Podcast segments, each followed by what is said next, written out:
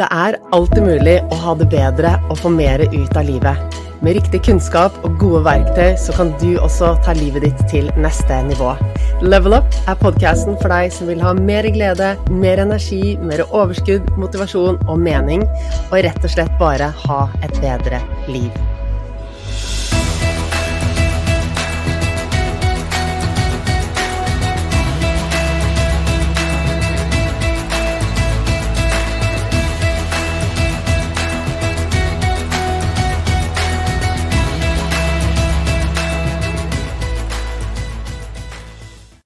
Det her blir en litt annerledes episode enn de du er vant til. Du skal få lov til å være med og dypdykke litt inn i bakgrunnen min, historien min, eh, reisen min fra å være liten og usikker og ha et veldig forvrengt bilde av meg selv, og ha et veldig vanskelig forhold til mat eh, og meg selv til der jeg er eh, nå i dag. Og jeg vil jeg ville lage den episoden fordi jeg skjønner at det er så mange her i dette universet som også sliter med hvordan de har det med seg selv. Um, og som ser etter en måte å komme ut av det på. Eller kanskje vi har døtre eller barnebarn eller venninner eller noen andre som sliter. Og den kunnskapen jeg skal dele med deg, den vil gjøre at du kanskje lettere kan hjelpe og være der for noen. Um, og veilede de til å gjøre de tingene som skal til for å komme seg ut av det. Fordi alt kan endres på. Det vil si, jeg er 1,81 cm høy, jeg kan ikke endre meg til å bli 1,70, det går ikke. Men alt det mentale som vi bærer på, som vi ikke er født med, det kan vi endre på. Nå trodde jo jeg at jeg var født med lav selvtillit og lav selvfølelse. Det er ikke sant! Eh, så, og det er en av de tingene som vi kan eh, bygge opp, endre på. Jeg syns jo at det er litt vanskelig å dele de tingene her. Ikke fordi det er sårbart og jeg ikke tør å dele det. Jeg står veldig stødig i å gi deg alle disse detaljene. Hadde det vært for noen år siden, så hadde jeg bare hatt lyst til å legge frem et bilde av hvor perfekt og flink og kul jeg var, og hvor mange fine ting jeg hadde oppnådd. Da hadde jeg ikke ønsket å dele noe av det som var sårbart. Men det står jeg veldig stødig i dag. Men grunnen til at jeg syns det er utfordrende å dele om disse tingene, er fordi det er så langt borte. Det er så langt unna der jeg er i dag. Det er så langt unna det livet jeg lever i dag, hvor jeg er helt fri, hvor jeg er helt avslappet, hvor jeg bare Jeg vet at ting ordner seg. Jeg har et helt avslappet forhold til meg selv, til hvordan jeg er med andre, til andre mennesker, til mat, til alle de tingene som var så tok så mye plass i hodet mitt før. Det tar ikke plass lenger. Jeg har et helt annet syv på livet, et helt annet perspektiv. Og jeg vil jeg ville lage denne episoden for å gi deg håp, og for å gi deg tro, og for å gi deg det du trenger for å hjelpe deg selv eller andre, fordi det er så mange der ute som sliter, og det blir bare fler og fler og fler. Og det er så enkelt å gjøre noe med. Vi trenger bare å lære om hvordan hjernen funker, hva følelser er, hva som skjer inni oss, hvorfor vi har de tankene vi har, og at det går an å endre på dem, hvordan vi endrer på de så hadde vi sluppet så mye lidelse hvis det her var inn i pensum på skolen. Hadde ikke det vært noe? Min mission er jo å spre mest mulig av den kunnskapen til deg, alle andre, sånn at den kunnskapen blir tatt videre. Og jeg vet at på et eller annet tidspunkt så får vi til en endring. Vi får dette inn i skolevesenet, vi får det inn i helsevesenet. Vi får en helhetlig tilnærming som ser hele mennesket og forstår at det er en årsak til de utfordringene vi har, og når vi jobber med årsaken, og når vi vet hvordan vi fungerer, så er det ikke så farlig lenger. Så den dagen kommer en eller annen dag, og inntil den dagen så skal jeg bare fortsette å gjøre jobben min med å dele og dele og dele, og jeg vet at du er helt rå på å ta det videre. Så tusen, tusen takk for det. Så jeg har delt det før at jeg hadde jeg var veldig usikker på meg selv allerede da jeg var liten. Jeg husker jo fra barnehagen, eh, fra jeg var fire år gammel, hvor jeg, hvordan jeg var veldig bevisst på meg selv. Jeg visste at jeg var annerledes. Jeg var høyere, kraftigere, hadde mørkere stemme, jeg hadde mer gutteaktig navn, jeg hadde mer gutteaktige klær, jeg hadde skjev hjemmeklipp, mens de andre jentene var så søte og yndige etc. Nå er jo dette en sannhet med modifikasjoner, for alt handler om de øynene som ser. Jeg sammenlignet meg kanskje med de som var de søteste og yndigste av alle jentene i barnehagen, og så sammenlignet jeg, sammenlignet jeg meg ikke med de andre jentene. Og det er jo sånn vi er, vi mennesker. Vi legger merke til det andre har, som vi ikke har, og så tolker vi det på den måten at ok, jeg er ikke like bra som de andre, og da kan ikke jeg høre til. Og det er kun fordi hjernen vår prøver å beskytte oss. Den vil holde oss trygg, og det gjør den ved å se om det er noe som kan være farlig der.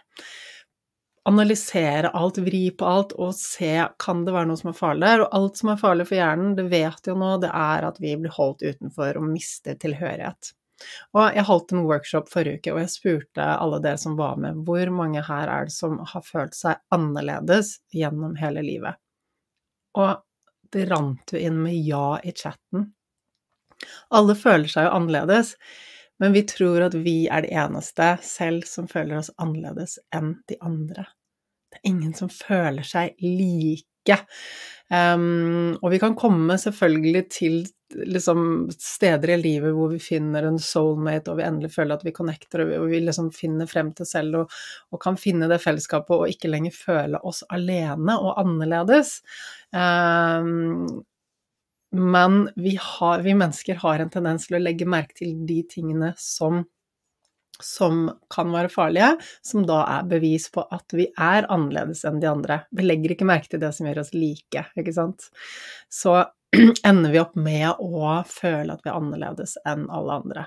Jeg husker jo veldig godt da jeg begynte å utvikle meg og få former for hofter. Jeg har ganske brede hofter. Jeg husker at jeg sto og slo på hoftene mine fordi jeg ville ikke ha de. Og jeg fikk en sånn veldig fremoverlutet kroppsholdning fordi jeg ikke likte å vise frem brystene mine. Det handlet jo også om at jeg følte meg liten på innsiden. Da var det litt 'unnskyld at jeg er til', og jeg var mye høyere enn alle andre, så jeg liksom bøyde meg litt ned for å gjøre meg minst mulig og komme ned til de. Så jeg gikk med sånn veldig fremoverlutet uh, holdning, så ryggen min var Altså, det var ikke bra. Jeg hadde så mye smerter i nakke og rygg, øvre delen av ryggen, som også hadde med stress å gjøre, selvfølgelig, men veldig dårlig holdning.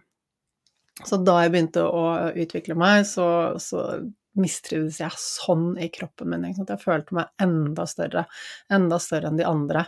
Men likevel så hadde jeg ikke et anstrengt forhold til mat og kropp. Jeg hadde aldri tenkt på slanking eller sånt noe. Og da jeg var 14, så dukket eh, modellbransjen opp, og det var helt, helt uskyldig hvor en venninne og jeg sendte bilde av oss selv til et modellbyrå. vi var 14 år gamle og uten at jeg visste hva dette innebar, eller tenkte noe mer over det. 14 år og naiv. Men modell, ja, det hørtes jo gøy ut. Vi sender bilder av oss selv til modellbyrået. Og så fikk jeg jo jeg svar fra de, og de ville ha meg inn, og så var jeg rett og slett i gang med å jobbe som modell med en gang da jeg var 14. Og så trengte jeg å lyve på alderen, fordi at 14 eh, var litt ungt, og de ville helst at man skulle være 16, så jeg lot som jeg var litt eldre enn jeg var. Jeg var jo høy, så jeg så jo ganske Jeg så jo eldre ut enn det jeg var. Og i starten var dette gøy og spennende, fikk masse jobber, masse muligheter. Som ting bare åpnet seg, og, og det rant på med muligheter. Men etter hvert så begynte jeg å ta jobber i utlandet da jeg var 16 år, så dro jeg alene til Milano og jobbet der som modell. Og så det her er jo så lenge siden at jeg ikke har hele tidslinjen i hodet, husker ikke helt hvordan ting hang sammen og hva som skjedde når, men jeg, på et eller annet tidspunkt så ble jeg bevisst på at ok, som modell så må du være tynn, og spesielt da, da jeg dro ned til, um, til, Italia, så er jo det sant, Det de gjør hver eneste dag, nesten, når du kommer inn på modell, modellbyrået, er jo at de måler deg centimeter over rumpa, rundt lårene, midjen, eh, brystet. Uh, og det syns jeg var helt grusomt, for jeg visste at jeg hadde store hofter. For meg så var det vanskelig å holde de målene for å passe inn i, uh, passe inn i klærne, rett og slett. Og det er jo de klærne man bruker når man jobber som modell, er jo gjerne vareprøver, de er jo et par størrelser mindre, ikke sant. Ofte var jo skoene vi hadde på oss da vi gikk visninger, de var jo to-tre størrelser for små. Jeg har størrelse 41 i sko. Så, og sånn er det bare. Så jeg, jeg skjønner jo at eh, man trenger å passe inn i de klærne, fordi vareprøver er mindre enn vanlige størrelser. Det har jo igjen med økonomi å gjøre, ikke sant. Jo mer materiale man må bruke på å lage noe, jo dyrere blir det også. Så, men det er jo andre ting med modellbransjen som har brakt et helt sykelig fokus på kropp. Og da jeg gikk inn i modellbransjen, det var akkurat på det tidspunktet hvor vi hadde hatt Cindy Crawford, vi var former og 80-tallet, det var så liksom, mye flotte kropper i fokus. Jeg passet jo perfekt inn i den kategorien, men på 90-tallet så skiftet det jo til sykelig tynne guttekropper idealet ble da denne guttekroppen uten hofter, uten bryster, eh, som var helt skrapa og radmager, og det var noe jeg aldri kunne bli, for sånn er ikke jeg født. Jeg er født med kurver. Jeg har, jeg har kurver, jeg har former. Og den malen kunne jeg aldri passe inn i, men i mitt hode så var det det eneste som var gyldig, og det eneste som var fint. Og eh, jeg skjønte at ok, jeg fikk jo beskjed om at ok, klarer du å gå ned en eller to centimeter rundt rumpa, og så fikk vi jo på byrået mitt i Norge så fikk vi øvelser vi skulle gjøre hver dag. Vi skulle rulle på rumpa for å gjøre den mindre. Uh, mye rare ting som dukket opp. Så det var jo et fokus på ok, du må holde deg så tynn som mulig, og ingen, ingen kunnskap om hvordan spise for å klare dette. Så på den tiden da jeg begynte å jobbe som modell, hva, hva, gjør man da? Du får beskjed om at du må kanskje gå ned litt, du må være tynn. Og så har du hørt at ok, fett er farlig, ikke sant? Jeg må holde meg unna alt som er fett. Så jeg spiste frukt. og ganske mye frukt. Um, og jeg husker at jeg på én, i en periode av livet mitt spiste, hold deg fast, cornflakes med juice. Altså når jeg ser tilbake på det nå, så må jeg jo bare le, for jeg ante ikke hva jeg holdt på med. Jeg visste at fett var farlig. og, og eh, så var det sånne trender som het eh, sånn fit for life, da skulle man bare spise frukt, i hvert fall i starten av dagen. Så jeg spiste frukten min, da litt grønnsaker og litt hvit ris innimellom. Du skjønner tegningen? Null næring ikke noe fett, ikke noe proteiner, ingenting av de byggestoffene kroppen trenger, og et enormt indre stressnivå fordi jeg hele tiden var redd for å være for tykk. Det verste jeg visste, var å dra på jobb når jeg skulle prøve de klærne som var lagt frem til meg. Altså, det var et mareritt. For hver eneste gang så var jeg så redd for hva om buksene ikke passer? Hva om det ikke passer? Hva gjør jeg da? Og hver gang de passet, så ble jeg så lettet og følte at ok, ah, jeg er bra nok, jeg er verdifull, buksene passer til meg. Men dette var min største bekymring. Jeg prøvde å skjule det, jeg prøvde å skjule hvordan jeg følte meg, jeg prøvde å skjule redselen, prøvde å late som ingenting, men var så livredd for at jeg skulle eh, ikke passe inn i klærne og få beskjed om at jeg var for stor. Og jeg er ikke ikke født med guttekropp, jeg er født med kvinnekropp. Så det er helt klart at uansett hvor tynn jeg ble, så var det jo mange av disse klærne som ikke passet til meg, rett og slett fordi de er altfor små og laget for kropper som bare ikke er realistiske.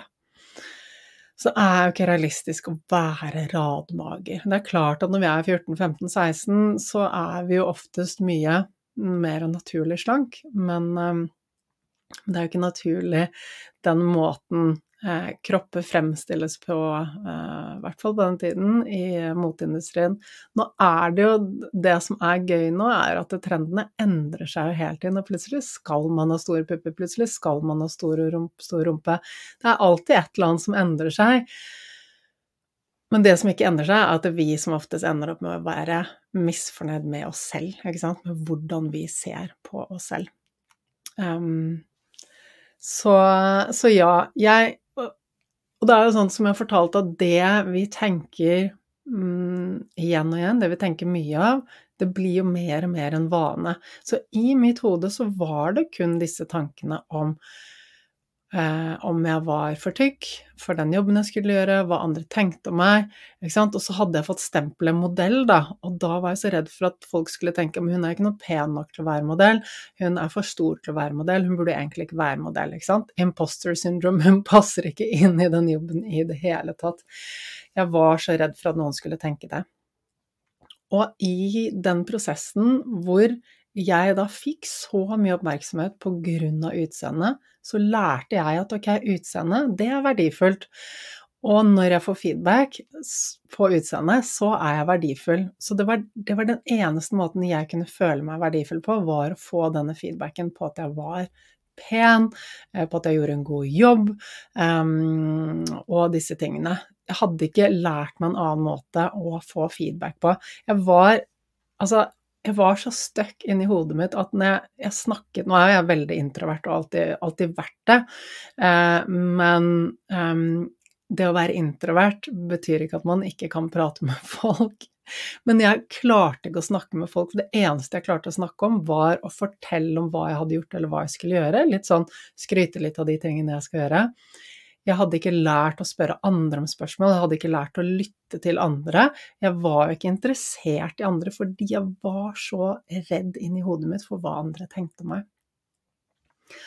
Og det her er ikke noen god måte å leve livet sitt på. Jeg husker jo jeg eh, var 18, tror jeg, eh, og så snakket jeg med en venn av meg, og så sa jeg vet du hva, jeg skulle ønske jeg var barn igjen. Eh, jeg skulle bare ønske at jeg var barn igjen. Og han bare 'Hvorfor det? Hva, hva mener du med det?' Han bare 'Jeg skulle ønske jeg var fri for bekymring'. Og det her er jo ikke en unik historie. Det her gjelder så, så, så mange, og jeg vet at problemet er så mye større i nå enn det det var før, fordi vi blir eksponert for så mye mer inntrykk hver eneste dag. Altså, da jeg var liten, så hadde vi det nye eh, som kom ut, tror jeg, en gang i måneden. Og nå har vi jeg vet ikke hvor mange bilder vi ser hver eneste dag på sosiale medier, og hver gang vi ser et bilde av at noen er pene, så legger vi merke til det de har som er bra, som vi ikke har, og så sammenligner vi oss, og så føler vi oss dårligere. Så det er klart at presset er mye større i dag enn det var da jeg var liten. Likevel så var det ikke lett da heller, det er ikke lett nå. Og det blir aldri lett å stå imot dette, denne sammenligningen, hvis vi ikke har lært om hjernen og hvordan vi kan snu dette. Fordi alle, absolutt alle, vil sammenligne seg, vil se hva er jeg dårligere på enn de andre, hvor er de andre bedre enn meg? Og så vil de tolke det som at oi, men de andre har dette, de er bedre enn meg, jeg er ikke like bra. Eh, jeg står kanskje i fare for å miste tilhørighet fordi jeg ikke er bra nok, og så blir vi stresset på grunn av det, og så begynner vi å kritisere oss selv og dømme oss selv, pushe oss selv til å bli mer perfekt. Jeg drømte bare om å få guttekropp. Jeg var så deppa på kroppen min. Jeg slo på hoftene, jeg rullet på rumpa, og jeg spiste bare frukt. Eller som jeg sa, cornflakes med eh, appelsinjuice på. Kan du tenke deg? Det er rent sukker og cornflakes ultraprosessert så det holder. Så det er ikke rart at jeg fikk en helt ødelagt mage og tarm. Altså, jeg var så oppblåst i magen. Hadde så mye luft i magen. Jeg prompet hele tiden. Det var helt grusomt. Jeg spiste Altså, det var nesten bare frukt. Altfor mye fiber. Um, og eh, altfor mye sukker. Eh, ikke noe fett, ikke noe proteiner, ikke noe av de gode næringsstoffene som kroppen trenger, og masse, masse indre stress. Masse indre stress fordi jeg hele tiden var bekymret, bekymret for hva andre tenkte meg. Og det er klart at det, dette over tid har jo virkelig ødelagt fordøyelsessystemet mitt. Og ja, jeg skjønte jo at det var litt sånn fordøyelsen var litt ute og magen ikke var helt bra. Men det er klart at det, gjennom ungdomsårene så tåler vi ganske mye, og energien min var fortsatt bra. Vi har mye å gå på når vi er yngre. Eh, det fantes ikke mobiltelefon da jeg var ung. Vi hadde ikke tilgang til sosiale medier og Netflix. Det var mindre stimuli som nervesystemet skulle ta inn. Og det er klart at da er det mindre belastning, og vi tåler mer i dag i dagens samfunn så er det så mye belastning på nervesystemet vårt hele tiden. Og det er ikke én ting som gjør at begeret tipper over, det er summen av alt. Så for min del så kunne jeg leve med et kjempedårlig kosthold. Jeg kunne leve med masse indre stress over veldig lang tid uten å tappes for energi, fordi det var ikke så mye annet som tappet meg for energi. Jeg hadde ikke en krevende jobb, jeg hadde ikke barn, jeg hadde ikke søvnmangel, i hvert fall ikke med mindre eh, jeg hadde da vært på fest og valgt det selv. Det var ikke noe belastning i livet mitt, jeg var jo ellers veldig, veldig fri. Eh, det vil si helt frem til jeg sluttet å jobbe som modell, for jeg holdt jo på som modell frem til jeg var 19 eller 20. Um, ja, 1920 rett før jeg fylte 20, så innså jeg at det her ikke var noe for meg, og at jeg rett og slett måtte slutte jobben min for å ha det bra. Og det som reddet meg ut av denne reisen med å ha totalt forvrengt bilde på meg selv, med å bare bekymre meg hele tiden om for hva andre tenkte om meg, om for hva jeg spiste Altså, jeg var livredd for å spise noe hvis jeg da plutselig spiste noe som var det jeg ikke skulle spise, som jeg måtte holde meg unna, så fikk jeg jo så dårlig samvittighet, og da kunne det være det samme, og så spiste jeg ti ganger så mye mer av det, ikke sant. Jeg skulle holde meg unna alt av søtsaker um, og dårlig mat. Så det er jo selvfølgelig ikke helt feil å på en måte kutte ut alkohol og, og godteri og de tingene der, men det ble, var jo ikke på en sunn måte. Og jeg hadde fokus på at jeg ikke måtte spise det, og når vi tenker at vi ikke må spise en ting, så drives vi jo mot det. I tillegg så jeg en i, hadde jeg en kropp i total ubalanse, som ikke fikk det den trengte av næringsstoffer, og det er klart at da craver den noe, og da ble det gjerne sjokolade som jeg cravet, eller godteri. Og selvfølgelig, jeg klarte jo ikke å holde dette i lengden, så jeg sprakk, kastet i meg masse, masse godteri ble deppa, spiste mer av det, skulle ha ny og bedre start neste dag, og du kjenner tegningen. Det var opp og ned hele tiden. Um, det verste var at jeg følte meg så ufri, og frihet er en av mine viktigste verdier. Og heldigvis så er det dette med verdiene som hjalp meg. Det er det som hjalp meg ut av alle disse årene med et forvrengt syn på meg selv, alle disse årene med spiseforstyrrelser. Det var verdiene mine. At jeg visste hva som er viktig for meg. Jeg ante ikke hva verdier jeg var, jeg hadde ikke jobbet med det, hadde ikke tenkt på det, men likevel så kjente jeg det på hele kroppen at nå er jeg på et sted som ikke er bra, og jeg har lyst til å være et sted som det er bra. Jeg var så lei meg, jeg hadde det så vondt, jeg var bare fast inni mitt eget hode. Jeg klarte ikke jeg klarte ikke å fungere. På utsiden så så det jo helt greit ut, men inni meg så var det bare Var jeg så nervøs?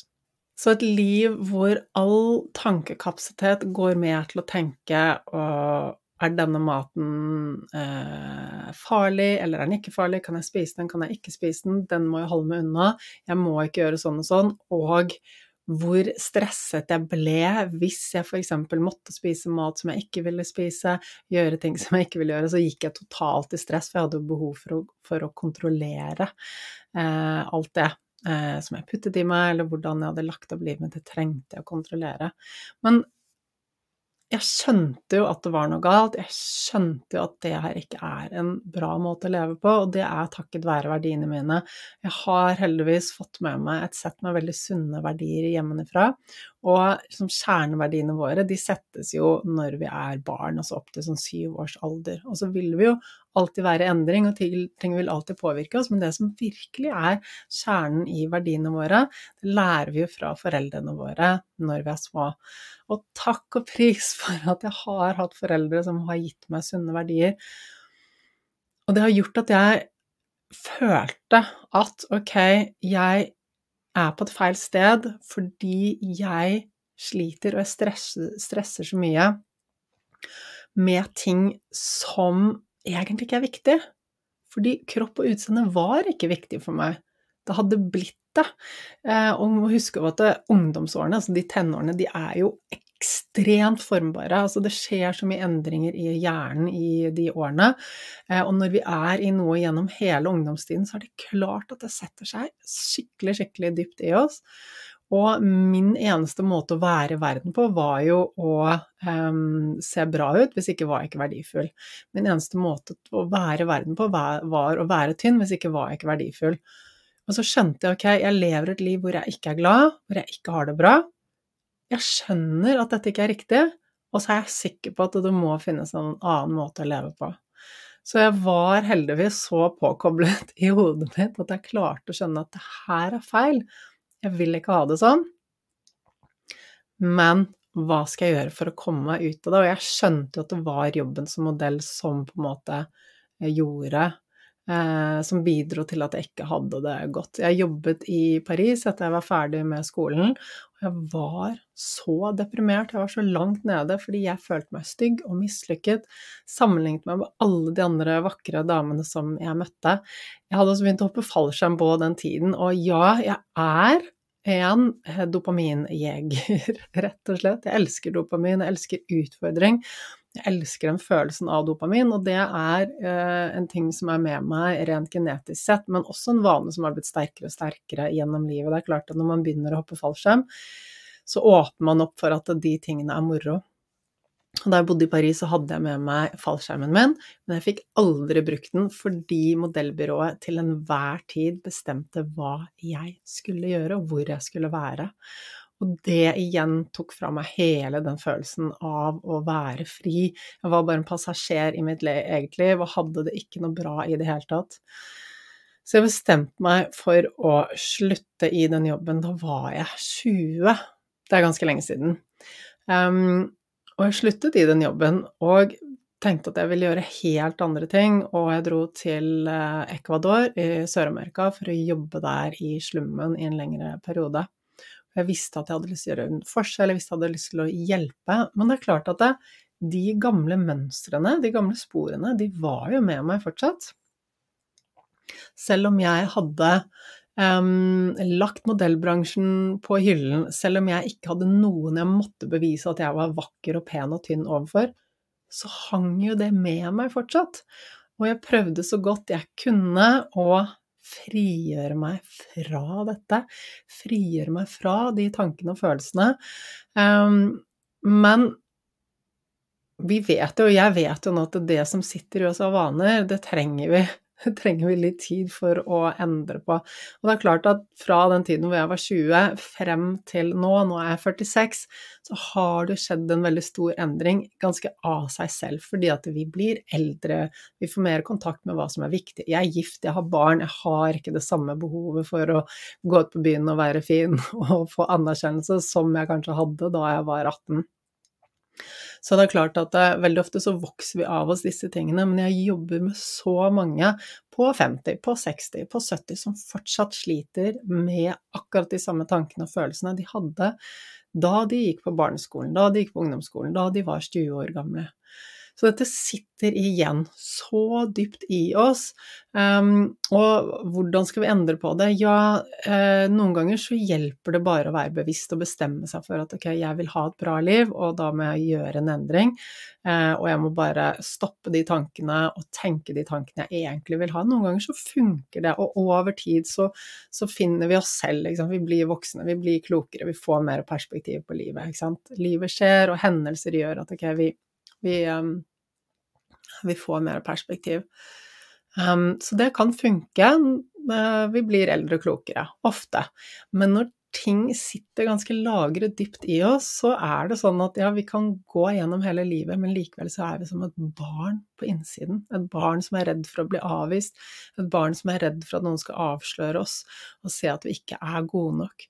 Og de tingene vi har lært, det som sitter i oss fra barnetiden, det, det sitter i oss for resten av livet hvis det er ting som, som, er intense, og som sitter dypt. Og da må vi også jobbe litt mer i, um, i dybden for å få endret på det, sånn som jeg gjør på kurset mitt, og sånn som jeg gjør når jeg jobber én til én. Og jeg må bare si at jeg jobber med veldig mange som har hatt et anstrengt forhold til seg selv og til mat, eh, følelser, kropp og alle de tingene. Og jeg ber de alltid gå gjennom kurset først, fordi vi trenger å bygge selvfølelse før jeg kan gå inn og endre på de uh, tingene som ligger der og skaper, uh, skaper det forhold, dårlige forholdet til mat, f.eks. Hvis de har hatt et problem med altså, emosjonell spising eller overspising eller et eller annet, så henger det gjerne fast i noen hendelser som har skjedd en eller annen gang i livet. Veldig ofte ting som har skjedd i barndommen, en kommentar fra noen som egentlig kanskje ikke er ment som noe. Altså, En venninne av meg utviklet jo skikkelig spiseforstyrrelse bare fordi noen hadde sagt at hun hadde stor mage, som ikke var sant i det hele tatt. Men det setter seg, ikke sant. Så, eh, så jeg, de kundene jeg jobber med, de går gjennom kurset først fordi at de må bygge selvfølelsen.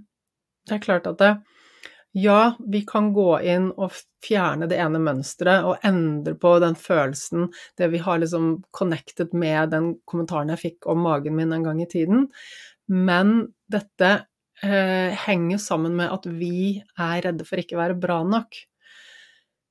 Det er jo det som er årsaken til at vi utvikler et anstrengt forhold til mat. Det er ingen med god selvfølelse som får spiseproblemer. Punktum.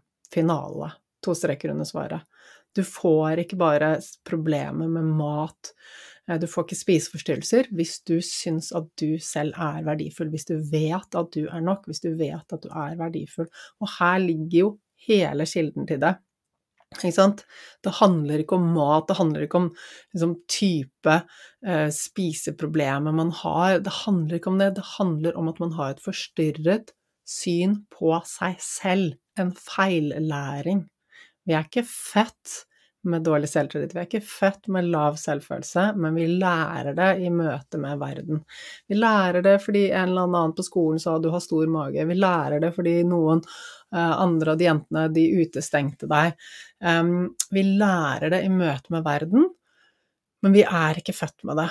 Og alt det vi har lært i møte med verden, det kan vi endre på. Det er helt magisk, ikke sant? Vi kan endre på alle disse tingene. Jeg var veldig heldig som kom fra en familie med gode, sunne verdier, med fokus på opplevelser, det å være sammen, med et fokus på at det var ikke hvordan ting så ut som var viktig. Foreldrene mine de var alltid sånn ok, istedenfor å bruke sparepengene på å kjøpe en ny sofa, så drar vi heller på en ferie til Afrika og har det gøy. De var ute på eventyr, de elsket å reise, og de var helt en sånn veldig upretensiøse, veldig lite opptatt av fasade og ting skulle se ut på en viss måte. Så fra de så har jeg lært at utseendet ikke er viktig, men det er klart at jeg hadde med meg den feillæring fra mange år eh, gjennom ungdomstiden, som jo tar litt tid å kvitte seg med. Men det som reddet meg, det som fikk meg ut av alle de årene med spiseforstyrrelse, var verdiene mine. Um, det var rett og slett det, jeg skjønte, det at jeg skjønte at ok, det her er ikke det livet jeg ønsker å leve. Mitt liv skal være bra, jeg skal være glad, jeg vil ha det godt, og det er jeg ikke nå. Det må være en mulighet for å komme dit hvor jeg har det bra. Bare, det må være mulig, og jeg skal finne den muligheten. Jeg skjønte ok, grunnen til at jeg ikke har det bra nå, er av modelljobbingen. Igjen, jeg blir deppa på meg selv når jeg ikke passer inn i min forventning eller motindustriens forventning av meg selv. Eh, og to, det tar fra meg friheten, og jeg gjør ting som ikke er verdifulle for meg. Det gir meg ikke noe verdi å være på utesteder og middager med eh, masse andre jetset-folk og bli invitert med på det ene eller det andre. Det var ikke viktig for meg å gå rundt og se vakker ut. Um, det var viktig for meg å være fri, det var viktig for meg å være glad, det var viktig for meg å, å gjøre de tingene som gjorde meg glad. Jeg skjønte jo at det var jobben som modell som gjorde at jeg var ulykkelig og ikke hadde det noe bra. Jeg, jeg, skjønte at det hang sammen med at jeg levde på tvers av verdiene mine, selv om jeg ikke hadde noen gang hørt noe snakk om verdier, men jeg bare skjønte at det var feil. Og så merket jeg også at jeg var deprimert, og jeg likte ikke meg selv, jeg hadde ikke noe godt med meg selv. Det var rett og slett bare Alt var helt jævlig. Jeg, jeg hadde det ikke noe bra. Og jeg hadde jo jobbet da, altså fra jeg var 14 år frem til eh, etter videregående så flyttet jeg til Paris og bodde der på fulltid. Og det er klart at de årene eh, gjennom tenårene er jo år som former deg veldig. Og etter at jeg hadde bodd i Paris en stund, um, komme til den uh, Bare innse det at vet du hva, det er denne jobben jeg må gjøre noe med. Det er denne jobben jeg må bort fra. Det var eh, veldig sånn stort for en så ung person, fordi at det var det eneste jeg visste.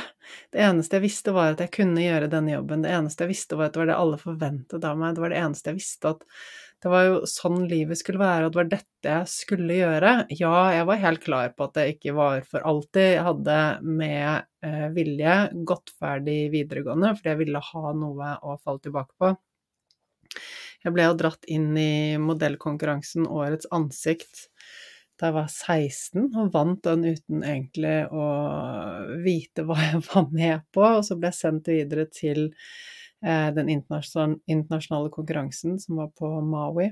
Um, sa jo til dommerne da som sant var at uh, nei, jeg akter uh, å gå ferdig videregående, og skal ikke jobbe som modell på fulltid før det. Eh, og premiene for den konkurransen var jo modellkontrakter i New York. Så jeg fikk jo høre etterpå av en av dommerne at hadde jeg ikke sagt det, så hadde jeg vært en av de tre første eh, på pallen på den eh, internasjonale konkurransen. Og jeg er veldig glad for at jeg ikke vant noe kontrakt som 16-åring for å bo og jobbe tre år i New York. Jeg er så glad for at jeg valgte å gå ferdig videregående være hjemme med vennene mine, selv om jeg må innrømme at det var en veldig rar tilværelse fordi jeg igjen fikk eh, bekreftet dette at jeg var annerledes, ikke sant. Jeg var borte hvert, uh, hver ledig mulighet, jeg hadde masse fravær, det hadde en spesialavtale med skolen, og jeg gjorde alle innleveringer uh, og kunne reise og jobbe ganske mye, så jeg levde jo et dobbeltliv.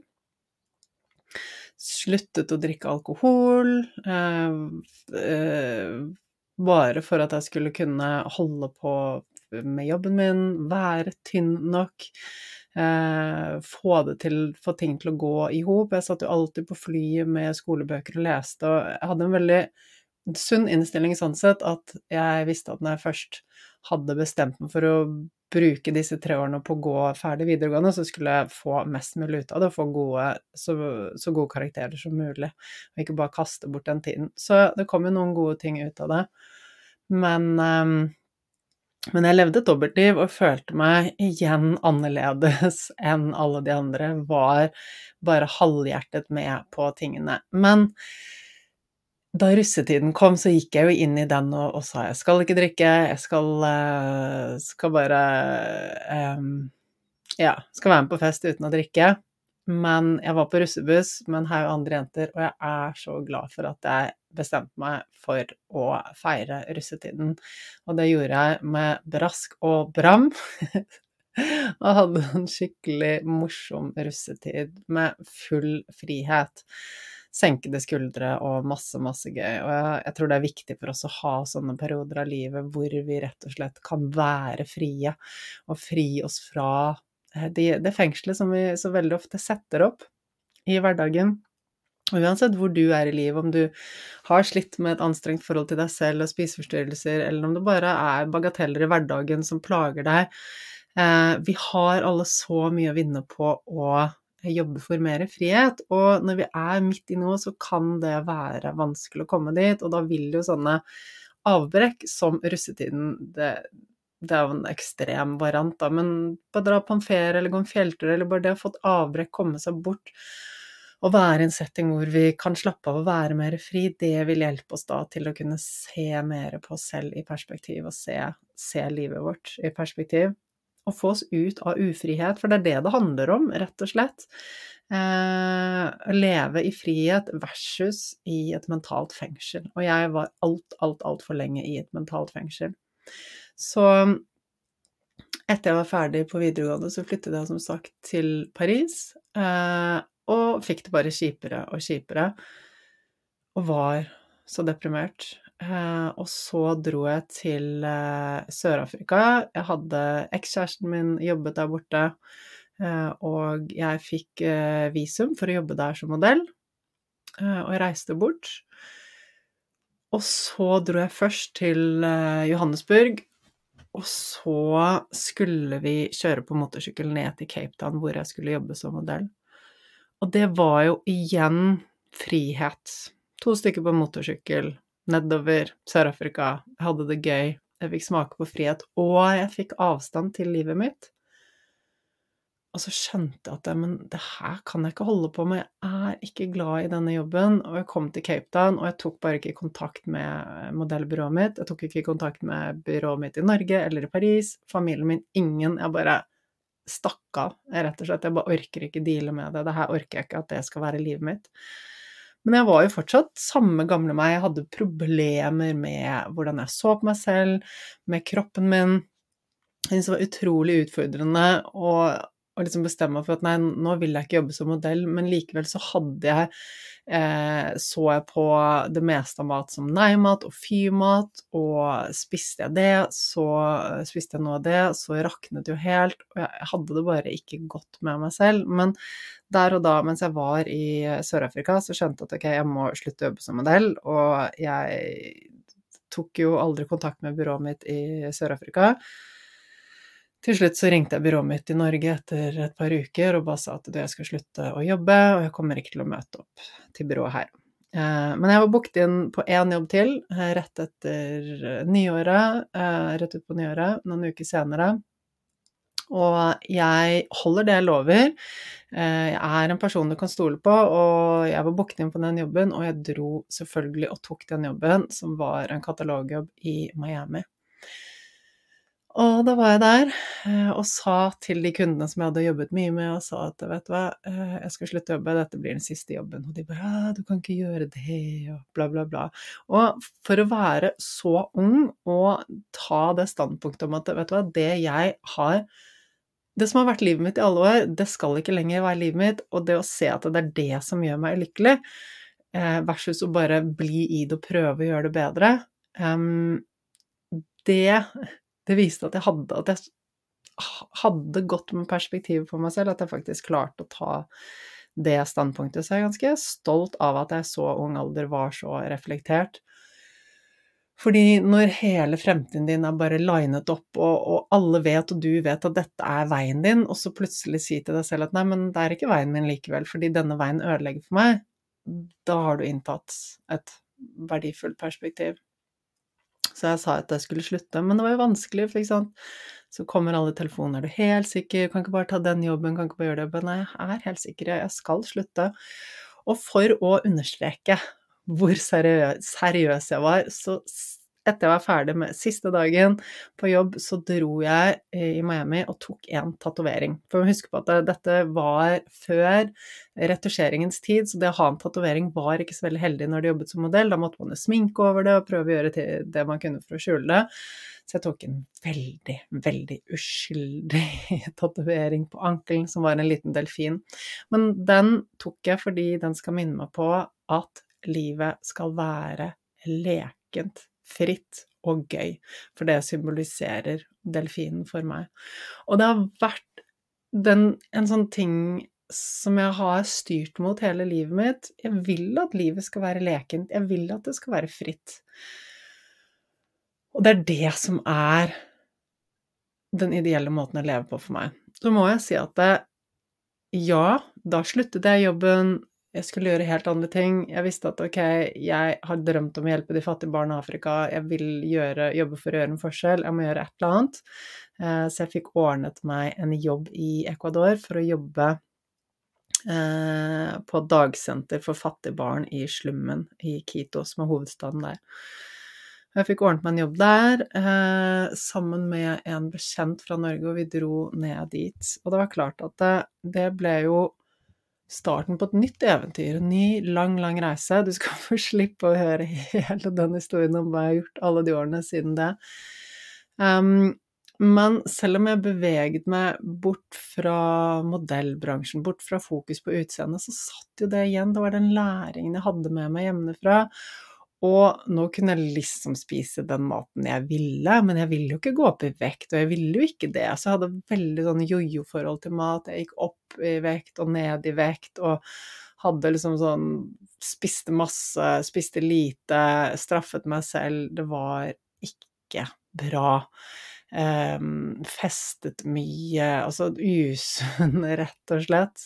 Men jeg trengte å komme bort fra det mentale fengselet jeg hadde vært i, og jeg var bevisst på at jeg ville bort fra det. Men det er klart at det, fra det stedet frem til der jeg er i dag, så har det vært en veldig, veldig lang prosess og lang reise, og jeg har vært i et mentalt fengsel veldig lenge, for det er klart at det, det gikk bedre og bedre i forhold til forholdet til mat. Eller nei, vet du hva, det er egentlig ikke helt sant. Jeg hadde veldig anstrengt forhold til mat i mange år.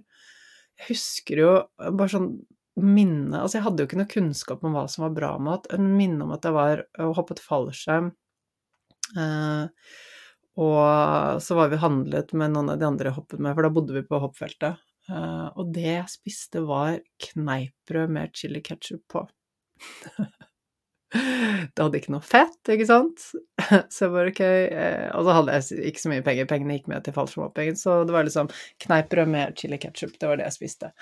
Men det handlet jo om at jeg hadde et anstrengt forhold til mat, jeg var redd for å legge på meg, jeg visste jo ikke hva jeg skulle spise, fortsatt fettfobi. Um, og det varte i mange, mange år, helt frem til jeg begynte å lære om hva kroppen faktisk trenger begynte å lære om at vi trenger å bygge opp tarmen, hvordan fordøyelsen henger sammen med ting, begynte å lære om stress, og det har vært en lang, lang prosess eh, med gjenoppbygging av fordøyelsen min og tarmen min, og bare kjenne at jeg kommer sakte, men sikkert i balanse, og at jeg spiser den maten som kroppen min vil ha, som gjør noe godt, som gjør at jeg bare føler meg grounded i meg selv, at ting funker. Så det er klart det har vært en lang, lang prosess med mye læring om hvordan ting henger sammen. Hvordan henger kroppen vår sammen med hodet? Hvordan påvirker stress kroppen vår, helsen vår, energien vår, vekten vår. Hvis du vil gå ned i vekt, så er det å redusere stress viktig, f.eks. Ehm, det kan jeg dele mer om i en annen episode. Men alt henger jo sammen. En fordøyelse ut av balanse, en tarm ut av balanse, det påvirker tankene våre. Det påvirker evnen vår til å ha gode tanker, ehm, eller ikke. Ehm, og for at vi skal ha det godt, for at vi skal ha god energi og god helse, og en normal, sunn vekt, så kreves det en kropp og et hode i balanse. Jeg kan ikke skille kroppen og hodet. Og det for meg har vært en lang, lang prosess med læring. Jeg har jo hatt en interesse for helse i mange år, jeg har jobbet med yoga, men ganske eh, treffende hvor mange av de som tiltrekker seg yoga, som er mennesker på søken, mennesker med masse indre problemer. Men har vi ikke alle noen indre issues òg? Jeg ser jo jo mer og mer jeg går i dybden og går under huden på folk, og de som har de mest perfekte Instagram-kontoene, ja, det er jo kanskje allerede en indikasjon på at de ikke har det godt, men vi ser jo så mye perfekte fasader, og under de fasadene så er det sjelden balanse og glede. Det kan jeg si med en gang. Jeg jobber med så mange, og jeg ser hva som foregår på innsiden. Og jeg er drittlei, for å være helt ærlig, av at folk ikke har det godt. At folk har et forvrengt syn på kropp og på mat og på eh, seg selv og på livet. At de lever i et mentalt fengsel. Jeg drittlei av det.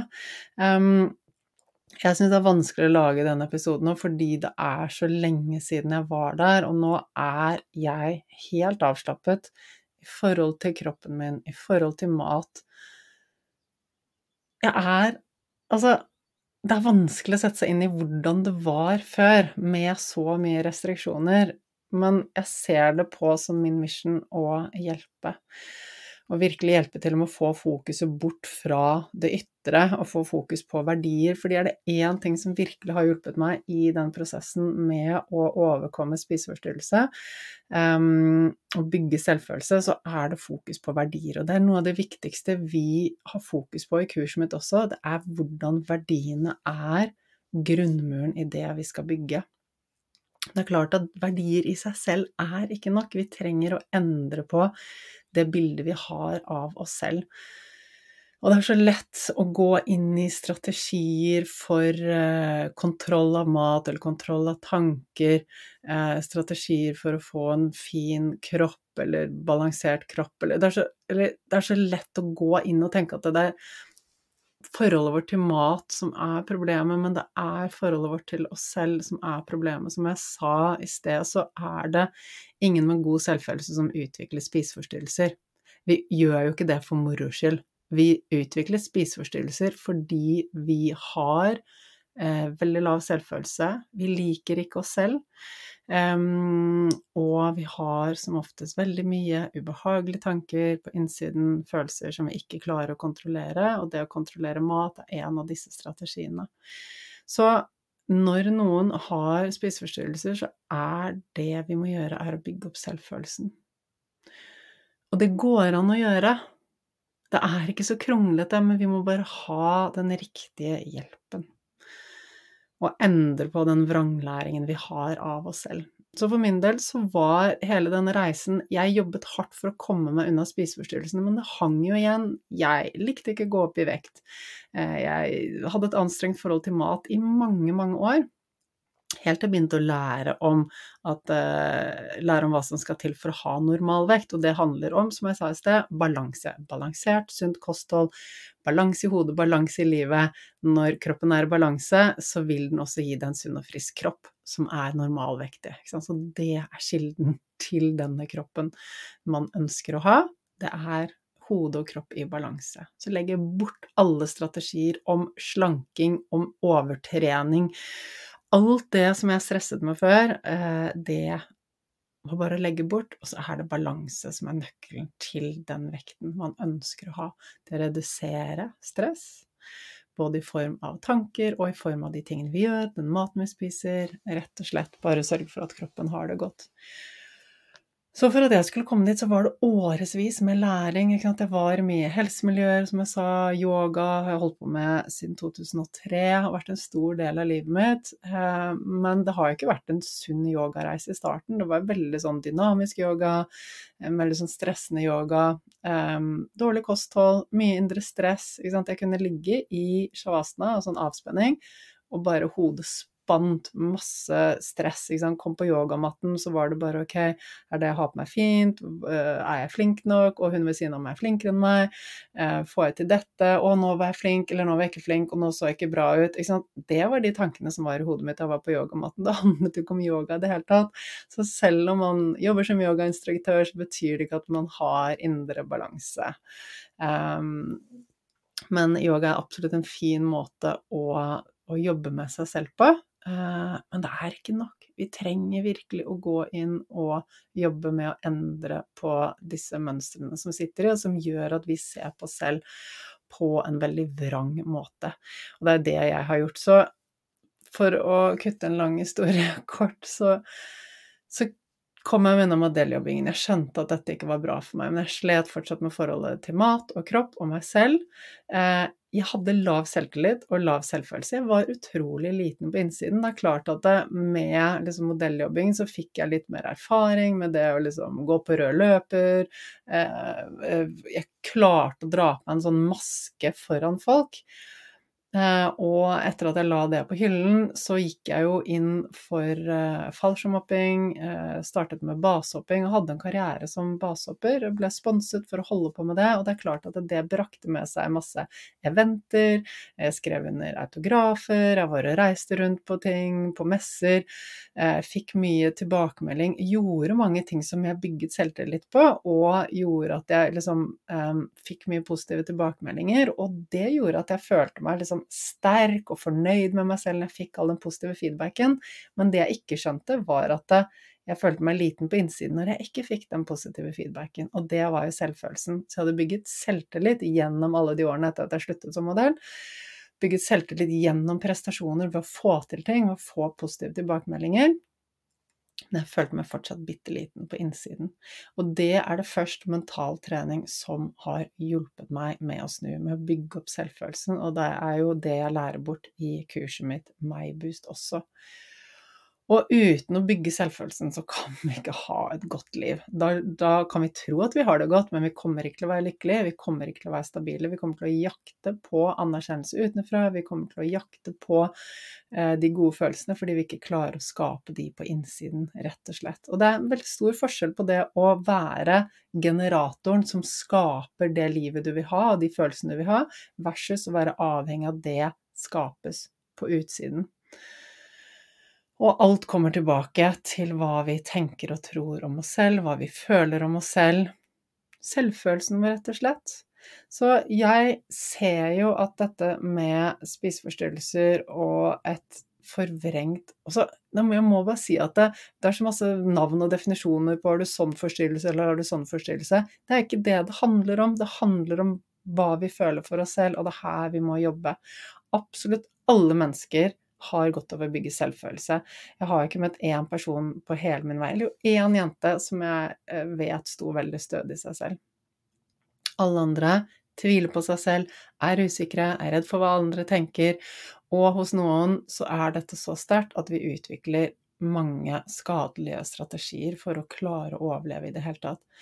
Så vi trenger å få denne kunnskapen ut. Vi trenger å hjelpe til med at vi får bygget opp selvfølelsen til alle, spesielt den generasjonen som vokser opp nå.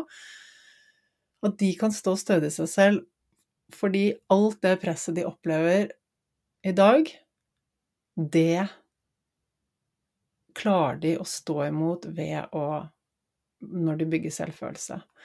Så mine barn er jo fortsatt unge. Jeg har en jente på 11 og en gutt som snart blir 13. Heldigvis er det De står så stødig i seg selv. Jeg gjør så mye for å bygge selvfølelsen deres.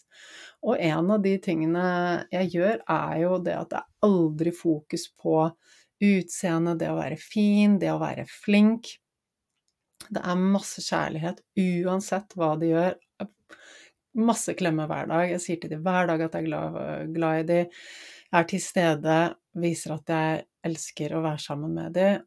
Og jeg står aldri foran speilet og viser at jeg er misfornøyd med meg selv. Jeg står aldri foran speilet og prøver ti forskjellige plagg for å liksom se best mulig ut. Barna mine, de går liksom bare med hva som helst. Eh, helt avslappet forhold til hvordan de ser ut. Sånn, noen ganger så må jeg kanskje foreslå at de tar en dusj, eller greier håret, eller gjør noe sånt noe. Eh, fordi de, de bare bryr seg ikke. Og det syns jeg er helt fantastisk. Eller vil si, eh, han som snart blir 13, har begynt å bry seg litt om håret sitt, så det greier han litt. Så det kommer jo selvfølgelig med alderen, med mer og mer fokus på utseendet, men jo stødigere de står i seg selv, og jo bedre verdier de har hjemmefra,